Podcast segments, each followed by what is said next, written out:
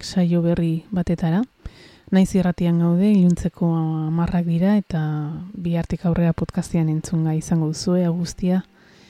Bueno, e, gaurko, gaurko programa goita zortzi garrena. E, biografiekin e, itzuli naiz, e, bi biografia orkestuko dizkizuet. Bueno, biografia bat eta eta beste labur bat, e, bigarrena, Mimi Parkerrena, laburtsoa da bere biografia baino lau taldearen inguruan hitz eingo dizuet sakonago. Eta, bueno, ba, nahiko doinu lasaiak ekarri ditut gaurkoan, ez dakit, e, igual ja, bateriak agortzen ari zaizkit, ekainean sartu, sartuta eta, eta, bueno, e, gogoan aukan e, olako, olako musika lasai eta pausatia, pausatzua e, jartzeko. E, altzagarateko musikari batekin hasiko naiz, e, janirean altzaberekin, e, esan ezin proiektu, proiektuaren burua da, Oriol Floresekin batera, eta ointxe atera du bere lehen lana, lehen diskoa, aireratzen izenikoa, eta oso harrera ona izaten ari da, izan ere oso ondo eginda dago disko hau, oso musikalitate eta instrumentazio aparta, dauka eta bueno, ja nireren e, e, emozio hori transmititzen diguna, ez? Ja nireren e, sentipenak eta eta kezkak eta beldurrak berak dio modun e, oso modu mm, politan helarazi dizkigu dizkigute lan honetan. Eta gero esan bezala ba Mimi Parker Low taldearen bateri jole eta bezlearekin jarraituko dut, hala ere oso gutxi aurkitu dut haren inguruan, eta e, bueno, kontatuko izu eta aurkitu dana, baino gehien bat low taldearen e, ibilbide, bueno, e, historian eta eta haien lau abestitan oinarrituko naz e, diskografia e, luzea duten arren, ba, lau, lau kantutan oinarrituko naz e, saioa amaitzeko. Eta bueno, hasiko naiz e, ja nirerekin ezin izan dut aurrez aurre hitz egin, baina telefonos mintzatu gara eta eta bueno, hasieran e, bere biografia eta eta proiektu aurkeztuko dut eta gero hiru alderatxo e, egin izkion telefonoz eta eta jarriko dizkizuet haren erantzunak. Bueno, basan bezala altzagarrateko musikaria dugu janire eta Oriol Floresekin batera esan ezin proiektua sortu zuten iazko udan nik urtarrilen ezagutu dut bere musika. 2008ko emakume musikarien lanen zerrenda osatu dudanean. Eta altzagarate izeneko kantuak eh, arreta deitu zidan.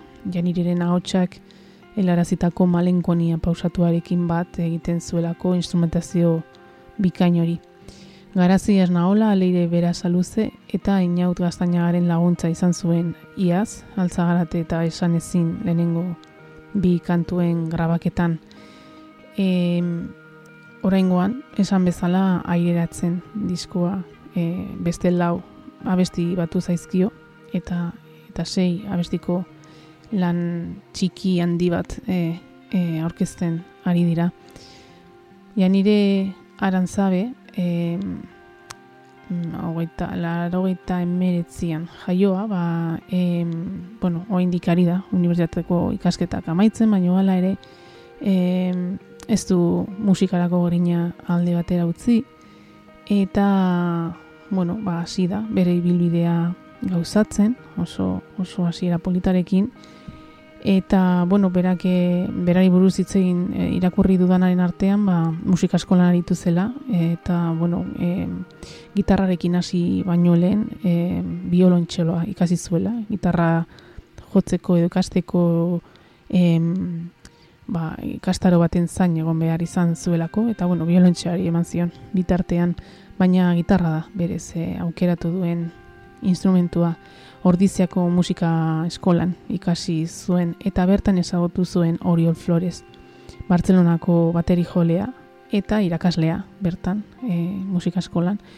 Eta ba, bat egin zuten, e, oso ondo konpontzen ziren musikalki ere e, bat egin zuten eta bueno, ba, proiektu, proiektua hasi zuten bion artean e, esan ezin e, izenekoa. E, e, bueno, e, martxoarekin batera, e, bueno, bi kantu horiek aurkeztu zituzten, esan bezala, altzagarat eta esan ezin. Iaz, baino, e, konfinamenduarekin batera, ba, bueno, gauzak motoldo, motoldo intzien, beste e, gertatu bezala. Eta pixkanaka, pixkanaka ba, landu zuten. E, aire, aireratzen izango zenaren disko horren beste laua besti horiek. E, zei lan, e, zei, zei abesti izan da, ba, e, erronka, erronka horri aurre egiteko crowdfunding kanpaina bat e, zabaldu zuen edo hasi zuen janirek eta oso pozik lortu zuen e, ama bostegun pasa izan zirenean e, diru bilketa hori behar zituen e, behar zuen diru hori eta bueno, hasi zen gainera uste dut zare sozialetan e, e, jarraitu nuela garaian. Eta bueno e, Bartzelonara mugitu ziren e, Oriol Flores bertakoa delako eta bertan ezagutzen zuelako Claudi Arimani bai, Turonet estudioaren jabea eta teknikaria. Eta bertan e, bertara joan ziren, Bartzelona joan ziren e, Guillem Callejon musikariak e, lagundu zidadarik, e, basuan eta gitarran ere, eta bertan mamitu zuten aireratzen lana. Oso lan pertsonala dela, dio Janirek, e, izan ere, iazko bi kantu hoien musika Oriol Floresek sortu bazuen ere, ba, honetan, lan honetako diskoan beste laua besti hoiek Janirek berak sortu ditu e, musika eta hitzak. E, mm, eta Janirek ikusten du e, bi hasierako bi abesti hoien garapen moduan ikusten ditu beste lau berri hauek. E, eta bueno, helburua, helburua lortu duela, esaten du. E, bere nortasuna osatzerako, esan ezinen nortasunako, nortasuna osatzerako helburua lortu, lortu duela. Sentiberatasun handiko diskoa da, aireatzen. E, itzekin ezin esan daitezken gauzak edo gaiak e, abestien bidez adierazi nahi izan ditu bertan. Eta hitzetan zehatza bada ere gauza asko ez ditu argi adierazten, irado, iradokitzen ditu. Soinuari dagokionez abesti ilunak, badira ere abesti bakoitzean bada, entzuleari harritasuna eskainiko dion une zehatz bat. Janireren hitzetan, entzuleak beldur asko topatuko ditu disko honetan, beldurretik eta inkonformismotik idatzitako lana delako. Entzuleak e, norberarenak egingo dituen kantuak direla dio, bere imaginarioan osatuko dituenak. Intzun dezagun, bueno, e, asieran entzun dugun kantua e, inorke entzuten ez gaituenean e, izan da. Eta e, oraintxe bertan bideoa, ez bere aurkezpen kanta izaten ari da, bideoklipa eta guzti aurkezten ari da. Eta urrengoa entzungo duguna desberdin diskoa irekitzen duen abesti akustiko oso ederra eta oso intimi, intimista e, entzungo dugu desberdin kantua. Esan izin.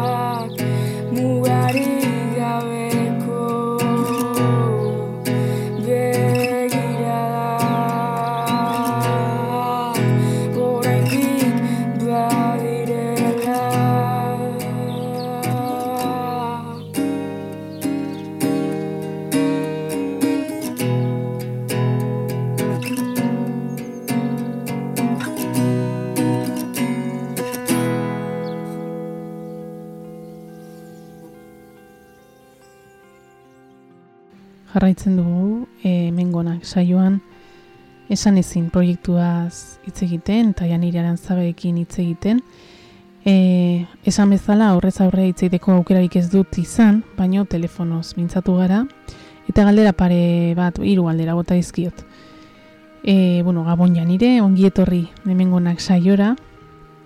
Zure astapenak e, aipatu ditut dagoeneko, baina zeintzuk dira, zeintzuk izan dira zure e, eraginak musikari dagokionez zerk bultzatu zintuen lan bat sortzera edo musika egitera eta ze soinu mota barrenatu zenuen aireratzen sortzerako orduan. Gabon birkite hemen ja nire esan ezinetik eta placer bat gaurko hemengonak saion lekue izatea eta disko berria aurkezten eotea. Ba, bai, egia beti aipatu izan dutela lain e, izan dela nire musika talde garrantzitsuna edo nire bizitzan gehien eragin dola. Eta gehien bat izan da, zen nik bai hasieran e, musika asko entzun izan dutela beti umetatik, baina bai ontzala momentu bat, e, nera bezaron hasi nintzela pixkat, musika kontzienteago bizitzen edo, eta beste modu batera entzuten musika, eta beste modu batera bai bizitzen e, musikakiko neuken, e, harreman hori. Nik uste hori izan zala e, hundi baten lainen azkeneko diskongatik. Egi da seiran lainen zuten unen, entzuten nula bereziki ba, disfrutea gatik edo esango genuke, baina gero bai justo haiek geldiune moduko bat eukizuten e, urte terdi bi urtekoa, eta justo azken diskoa eta zutenen, irugarren disko jatea zutenen, nahi bai ja nera bezaron arrapatu zitela, ja gauzak, ba, bueno, e, kontzientego dugu e, bizinitun, eta gira nahiko puntu kritiko baten neola, nire, nire bizitzako puntu oso kritiko baten neola, eta nolabait diskorrek eh, asko, asko eragin zitela, eta Zaki, disko hortatik aurreak edanik badakotela sentsazioa beste modu batea ikusten nula dena, eta hieda musikak ez, ez dola ordezten psikologo baten lana, eta hori horrela da, Baina egia nik e, terapia ordu asko pasan ditula disko hau entzuten. Eta ezakit, nik uste, nahiz eta gero soinu atletikan e, lainen musika eta niko egiten duten musika oso ezberdina izan, nik uste lainak lortu zuena izan zala e, janire eta musikakiko harreman berezioi sortzea. Eta nik uste, nahiz eta esan ezin proiektue e, gero askoz behan dugu etorri izango genuke, Ni bai sentitzen dut e, diskorrekin jabizkat hasi zala esan ezinen hasi hau edo ere iten. Eta gero esan nahi nahiko, nahiko politxeru itzen zait, eta nahiko, e, uste esan nahi nahiko potentea daukela. Eta gero bai esan ezinen soinu atletikan edo ja gehiago gerturatuta esan ezinen erreferenteta edo hor baita bai aipatuko nuke adibidez lauro bat aldea, e, nik uste igual gehiago, gehiago gerturatzen dela, bueno, esan ezinen pop, e, musika harta berezik igual hain azken diskoko e, soinu atletik, sintetizador horiekin baita bueno, guk asko, asko erabiltzen ditugula.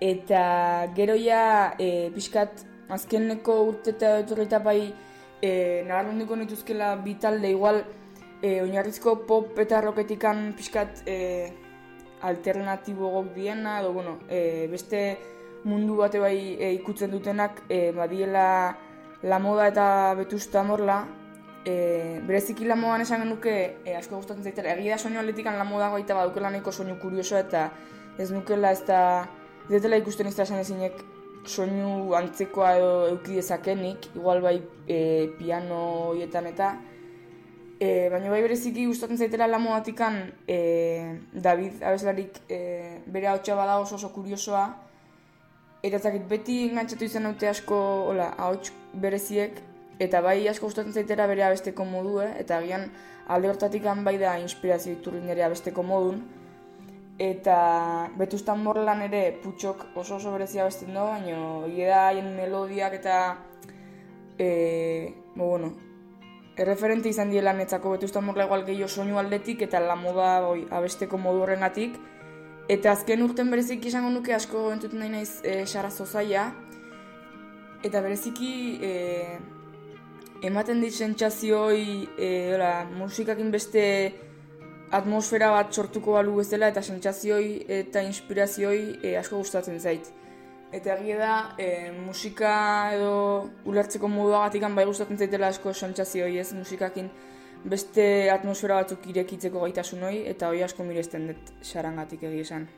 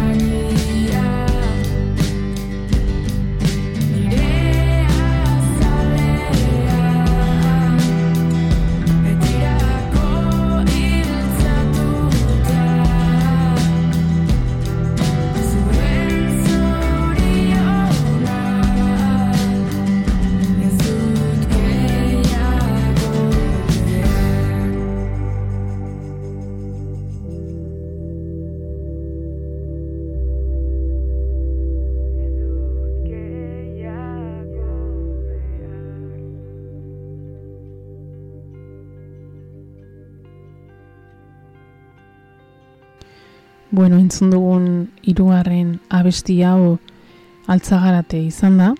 Einaut gaztainagarekin iaz grabatu zuena, eta bueno, aireratzen diskoari batu zaiona. E, aireratzen ordea Bartzelonan grabatu zuten, e, lehen esan dudan bezala, Claudi Arimanirekin. E, eta galdetu diot, e, janirekin, janireri zer nolako esperientzia izan da, Bartzelonako Turonet estudioan grabatu izana. Ba, estudio profesional baten grabatzeana, bai egia da, e, nola 2000 eta atera genituen esperientzi pixkat ba neukela, baina bai diferentea izan zara, ze kasu hortan musika Uriol eta Klaudik e, grabatu zuten Bartzelonan, Turonet estudioetan, baina gero nik ahotsak sartu nituen hemen zestoan, inat guaztainagan estudioetan. Eta erdun bai, e, esperientzi izan zara nahiko, nahiko laburre, baina aldi beren nik beti esaten dut, lehenengo aldi horrek, lehenengo esperientzia horrek beti asko markatzen zaitula, eta kasortan e, izan zen oso oso positiua, oso oso sentitu nintzen, gero horre bai asko iten do ze, teknikari, ze teknikarikin lan iten dezun, eta esan inautekin gozada bat izan zen. Eta nik uste esperientzia horrek gaina gero, etorkizuneko, bueno, etorkizuneko dituzun esperientziko bai asko baldintzatzea ditula. Eta bai da gero kasu honetan disko honekin ja e, Bartzelona joteko autu egin genula, ze bai ziela ja bestik osorik grabatzea, hasieratik prozesu osoi bizi behar zenun, eta gaina Claudi bada pertsona bat hasieratik lehenengo abesti hauetan oso presente ondana, eta oi, asko oso behak oso ondo ulertzen zon ze lortu nahi genuen e, disko honekin soinu aldetik, eta horregatik e, gaina gero Uriole bai bertakoa da, Eta horregatik ani genuen Bartzelonan grabatzeko autu hoi, eta gisa, ma, bueno, e, nahiko kaose bai, ze justo pandemia baten erdin berez azaroko zubi baten juteko asmoa genuen, baina e, justo e, ba, ostiral, ostiral juteko nintzen, bastizkenen mugak itxizituzten, eta dena atxeatu behar izan genuen. Eta alotetik kaos, ze Bartzelona joan behar dezu, baina egia izan, izan dela oso prozesu eta esperientzi bitala eta nik uste boi, bizi behar dezuna e, jakiteko gero zer da noi ez? Eta egia esan e, ilusio handiz eta e, nik uste izan zara zerbait oso magikoa bereziki ikusten dezulako zuk e, azure etxen laupareten arten gitarra eta gotxea sortutakoa estik nola formartzen dijo zen, nola jazten dijo zen Uriol baterikin eta Guillem Callejon gitarra eta bajukin, eta gero Claudik sintetizadore esatu zituen, Eta egia da prozesu bizitzea nola formatzen dijo zen, eta gero hortik nola zure diskoateako dan, egia da zerbait oso oso berezie eta ilusio handikin bizinuna, eta esan oso oso oso oso pozik.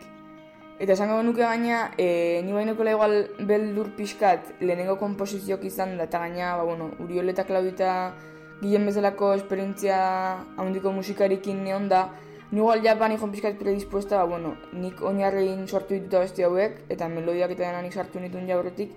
Baina, bueno, igual pizkat bani joan predispuesta, ba, holako musikarik indena, ba, igual gauzak aldatuko genitula, edo, bueno, pizkat irikita aldaketatan, e, aldaketa horiek itzeko aukerata. Eta gero bai egie da, e, bertajun, eta haiek oso ondo jantzi dituztela, baina nire oinarretan nire identitatea hor daula, eta izan gehala oso lehial hasierako ideia harta.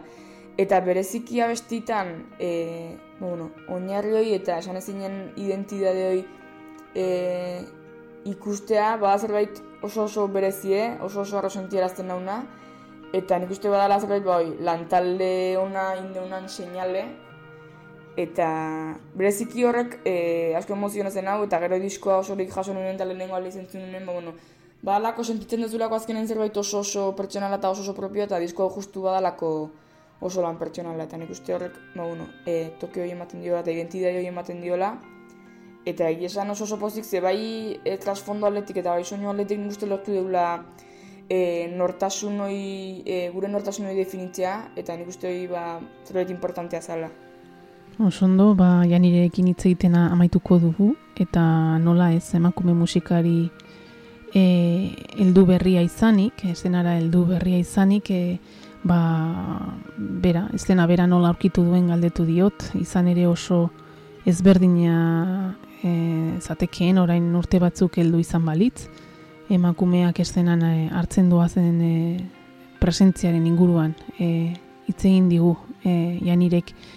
E, eta nola, nola ikusten duen? Gure garapena, gure gure aurrerapena edo oraindik ere borrokan jarduteko e, beharra ote dugun, baina gaztea izanik ba, ba, mm, gogo handia izango du ez aurrera egiteko eta emakume bezala bere, bere burua horre hortxe e, e, ezartzeko, ez? Eta berarekin hitz egin ondoren da, bueno, amaitu ondoren e, azkena abestia entzungo diogu.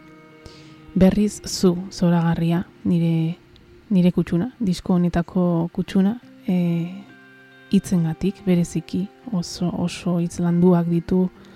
E, izan ere pitzatzen dute e, diskotik e, e, ederrenak eta eta landuenak direla. E, badu bere magia e, inor maitatzen ez duena maitatzeak, izaldi zogarri horrekin e, utziko zaituztet, eta nire eskerrik beroenak, tartetxoa, gurekin partekatzeagatik, e, ja nire, zorionak, diskoagatik eta zorterik onena, bidean. Entzun dezagun, diezaigun orain e, lehenago e, emakume musikarien inguruan. Ba, emakumeen presentzia euskal estenan nik uste asko aldatu duela azken dutetan, eta nik uste gaina e, izan naizela horren, horren testigu. E, gaina beti izan naiz oso musika zalea eta oso kontzertu zalea, eta esango nuke azken boladan e, nabaritzen dela emakumeen presentzie haunditu dela eta gehiago gehala, baina liberen nik uste ere falta dela, eta nik uste adibide badiela ba, jaialdi jaialdi handitako kartelak edo, naiz eta hemen ere presentzie handitu da, noa ere nik uste gure lekue e, guztiz e, ez daukegula. Eta baina nik uste bideo netik angoaztela eta gure, gure lekue e, bueno, hartzen nahi gehala eta merezi genuen lekue gainea. Bai igual handikan e, nabaritzen dutela igual azken aldin eta asko bakarlari e, emakumek, Eta bai bain dikan patazaitela igual, ba, e, lehenengo planon ez dauden e, musikarik, e, instrumentistak, e, ba, bueno, emakume basu jolek, e, bateri jolek, piano jolek, gitarra jolek, e, igual dikan eraiek ez dutela guztiz bere haien leku, eta nik uste igual e, bakarlarin presentzie emakumei dagokionez bai asko onditu dela, azken boladan, ondikan nik uste bai falta zaitela ba, emakume instrumentistan presentzi handiua edo. Eta bai esango niko asko alatu dela, ze adibide bat jartzearen nik uste Sara Sozaio, Olat Salvador, e, Izaro, Lidia Hernando, haiek musika mundun sartzen hasi zienen, nik uste haiek haientzako erreferentek aurkitzea Euskal Estenan bazala zerbait nahiko komplikatue oso gutxi zen dutelako. Eta nik uste adibidez niko baina baritzen dut eta nioain musikan hasi naizela, e, erreferentek aurkitzea erresago zait e, Euskal Estenan eta nik uste badala zerbait e, oso importantea. Zer nik uste gaina emakumean arten badaula nola biteko e, babes e, oso polit bat eta zaintza oso polit bat.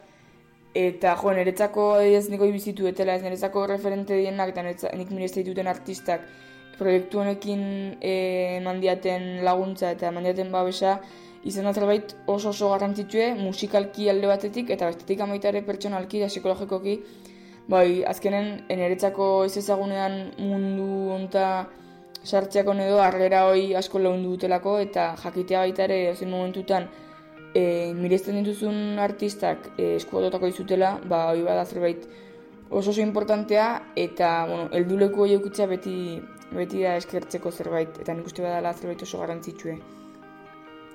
Eta nire arrera egia da, nahi Osa, nire harreraz itzeiteak e, ez dakitela zerbait realista dan ze nahiko bilbide laburra dauket eta gaina pandemia bat nirrengo dela kontu hartuta kontzertu aletik nahi bidez iru kontzertu akarrik eman ditut, orduan nik uste guen dikan ez detela bizi e, emakume musikari batek e, bueno, musika mundu sartzen bizi duena, nik guen dikan uste e, nire ikuspuntu ez dela zerbait e, realista edo kontatu daitekena, e, edabide aldetik esango nizuke, arrera, karo, niretako ez berri, eta orduan nikoen esango nizuke arrera oso oso positiboa jaso etela edabide aldetik eta nire presentzia den leku eskaini diatela, baina, klaro, e, horrela nik uste askotan, e, lako gauzak eta emakumeak jasatzen duen diskriminazio askotan, e, atzen edo izkutu neoten dela, eta orduan igual bain asko, e, asko jasotzen dut, e, lehenengo begira da hoi, edo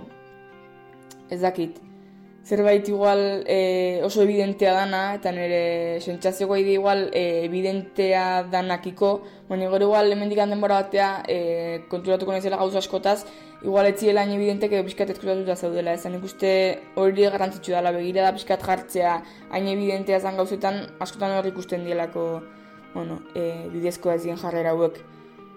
Orduan ez dakit, nik uste igual ez, ezin detela e, ikuspegi global batekin itzein emakume izateaz musikan eta hori zer dan, ze badala zerbait nahiko laburre. Baina bai igual berezik izango nuke eta igual labur biltzeko e, emakume presentzia bai handitu dala, Baina nik uste igual onditu dena gehiago dela izan dela ikusgarritasune, hau da, emakume musikarik e, euskal esenan beti on izan diela eta gehala, eta oso gainea, baina igual, e, guain gehiago dela baita ikusgarritasun gehiago ematen zaigulako, eta nik uste hori e, badala zerbait importantea eta hortan segi behar dauna.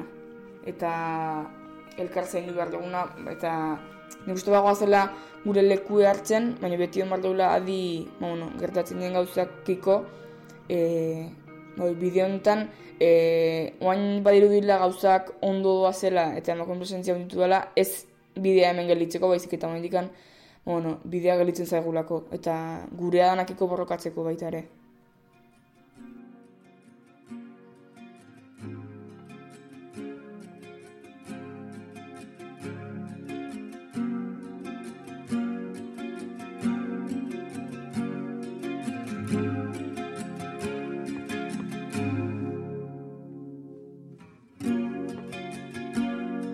Isuri gabeko malkoetan. Gorbetako milaka historio. Milaka egi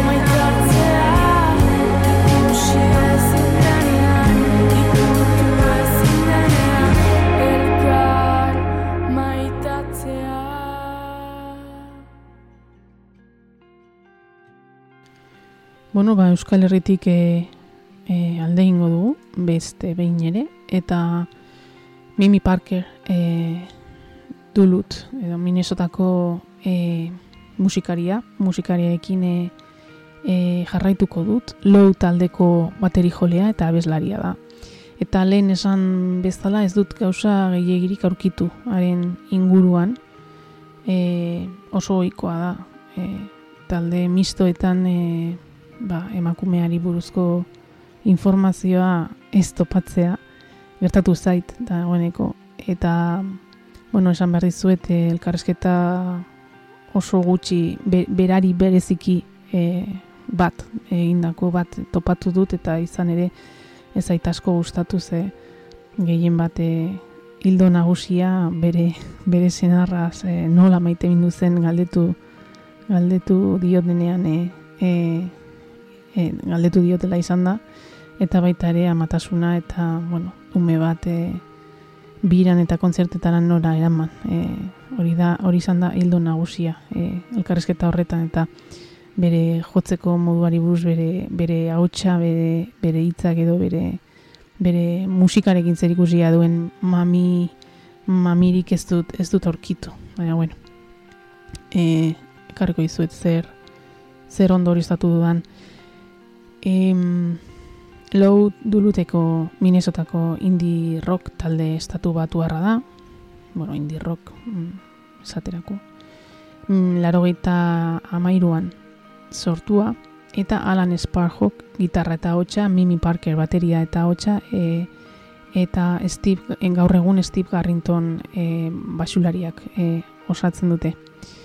E, Parkerrek eta Sparhawk eskolan ezagutu zuten elkar, laugarren mailan, eta nera bezaroan, ba, bueno, bikote moduan hasi ziren, e, garo arte.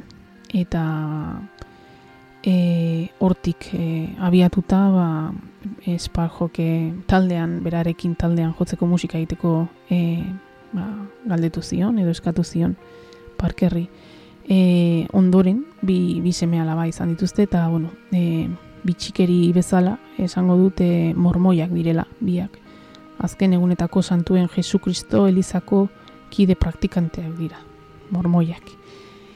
Em, Lou taldea e, Sparhawk eta Jack Nichols haien lehen basulariak e, abiatu zuten, eta e, esan bezala mimiri batzeko eskatu zioten orduan.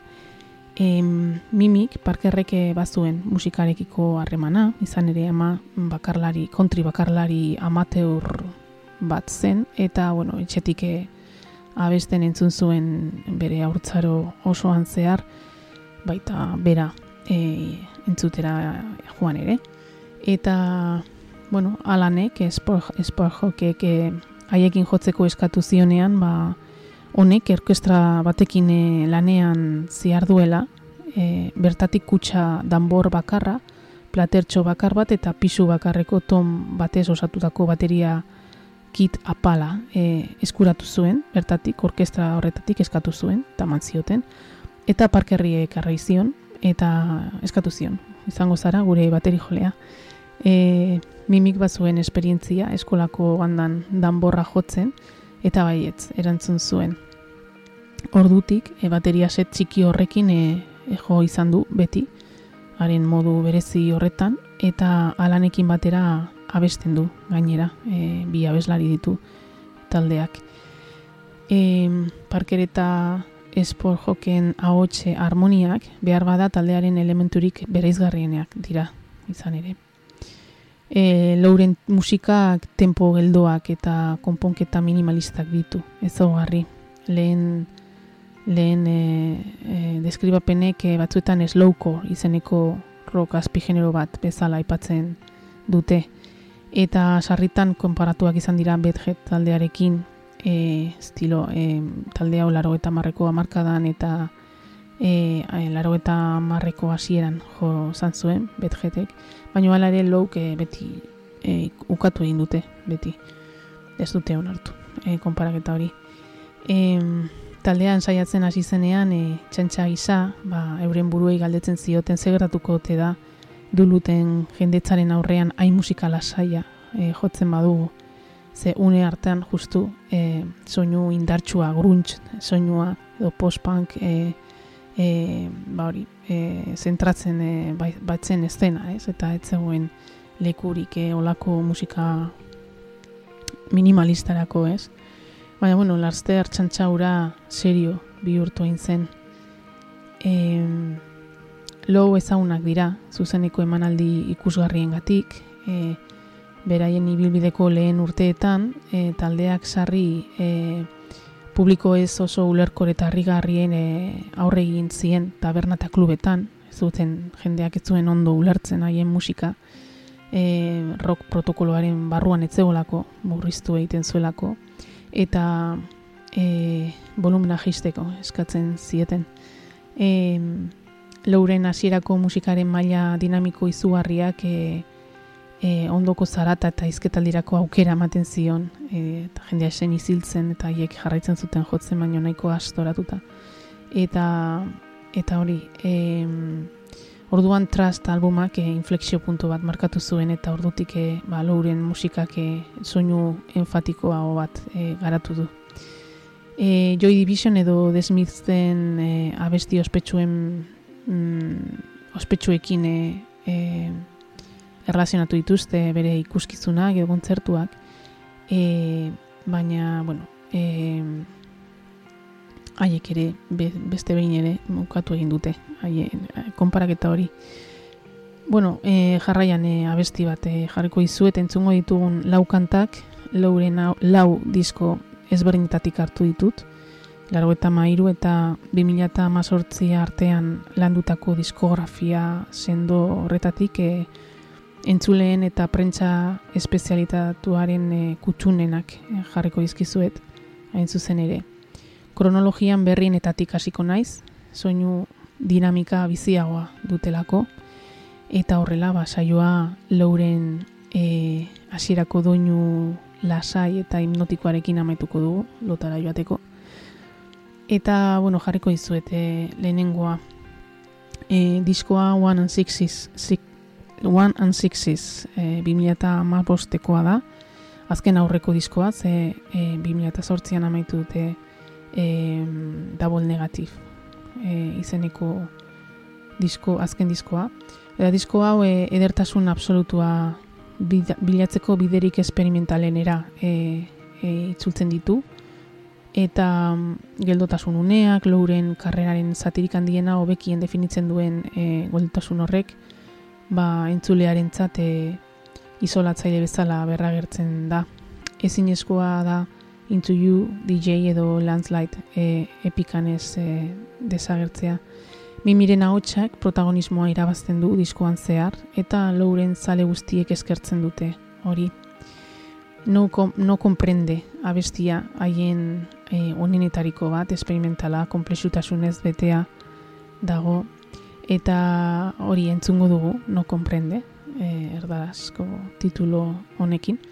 Hogeita bost urteko, bueno, hogei, garaian hogei urteko bikote harremanaren goraberak kontatzen ditu, haien tonu ilun eta ezaugarritxuan.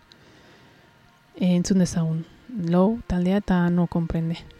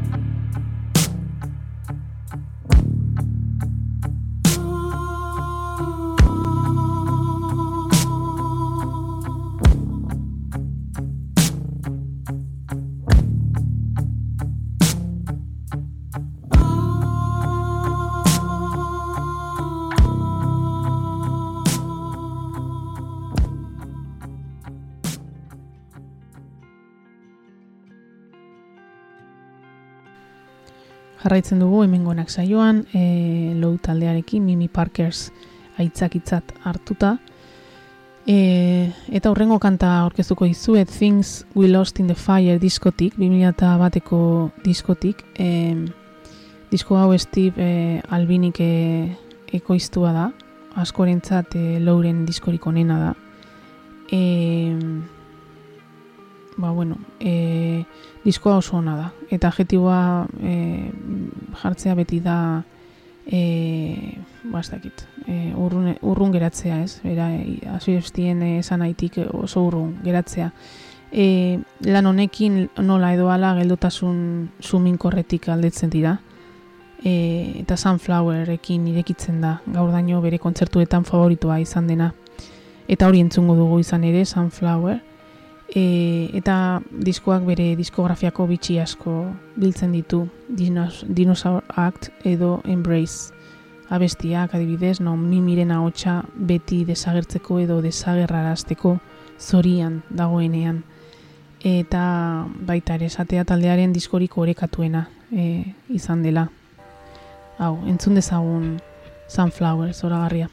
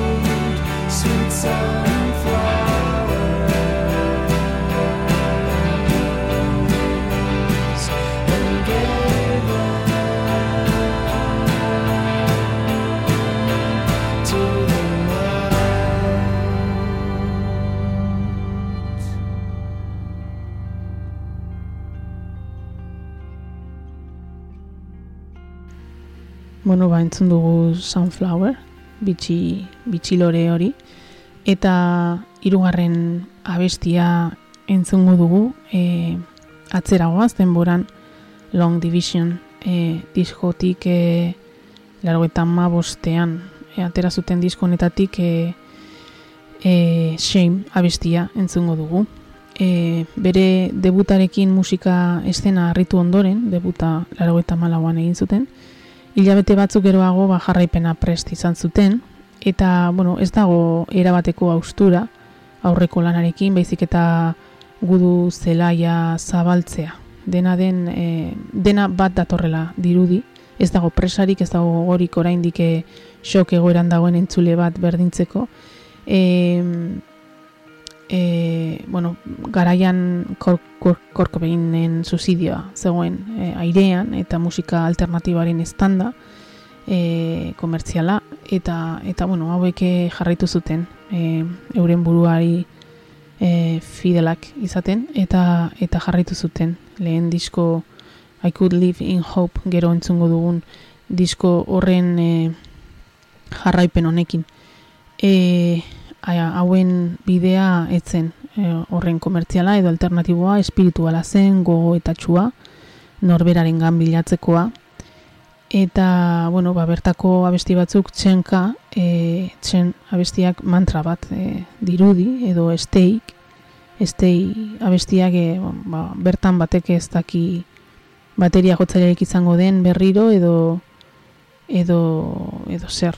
Eta shame taldearen e, betik, behin betiko abestia da dena kondentsatzen duena, barrutik apurtzen zaituena eta hori entzungo dugu urrengo low taldea eta shame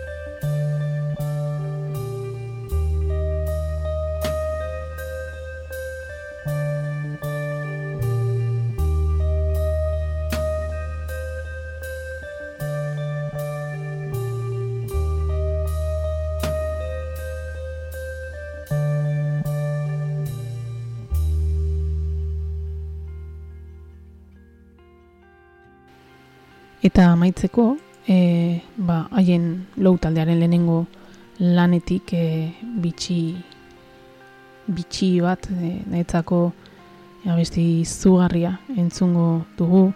Egia da, bueno, diskoa Akut Living Hope e, izeneko e, e, debuta da, laro eta malauan e, grabatuta.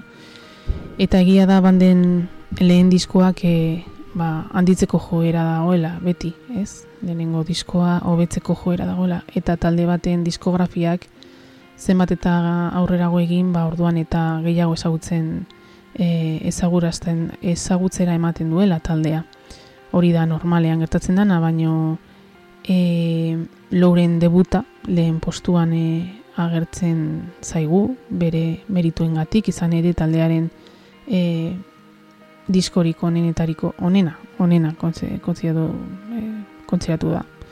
Eta abestien intzeguru guztiak e, e, hitz bakarra dira, egia esan e, diskografia osoan batez ere laro eta marreko amarkadan e, konstante bat da.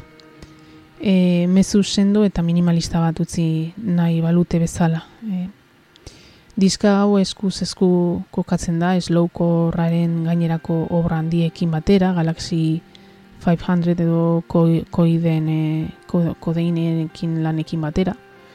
Abesti bat e, beste baten gainean gomendatzeak ez daka zentzu handirik, e, ze oso lantinkoa da, bateratua, paisaia, lambro eta gogo aldarteetan zeharreko bidaia bezala agertzen zaigu. Maisulan harrigarria, ausarta eta uzkurra, e, urte horietan arrakasta lortzeko obsesioa, obsesioa zegoen underground jankiaren zati handi batean, eta hauengan ba ez, hauek eh, konformatzen ziren ba, musika egitearekin da, da aurrera egitearekin e, beraien erritmora. E, eta izan ere lortu zuten, zego eta bost urte pasatu dira, eta eta disko honetako segundo bakar bat ere ez da zahartu. Gaur editatuko balitz, e, orduan bezain desafiatzaile eta ikaratia izango izaten jarraituko luke. Bueno, entzungo dugu lula bai, bikaina, zoragarria.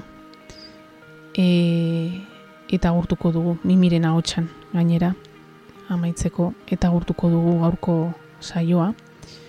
E, janire arantzabe esan ezin taldeko buruarekin e, hasi gara eta eta low talde zoragarriarekin amaituko dugu.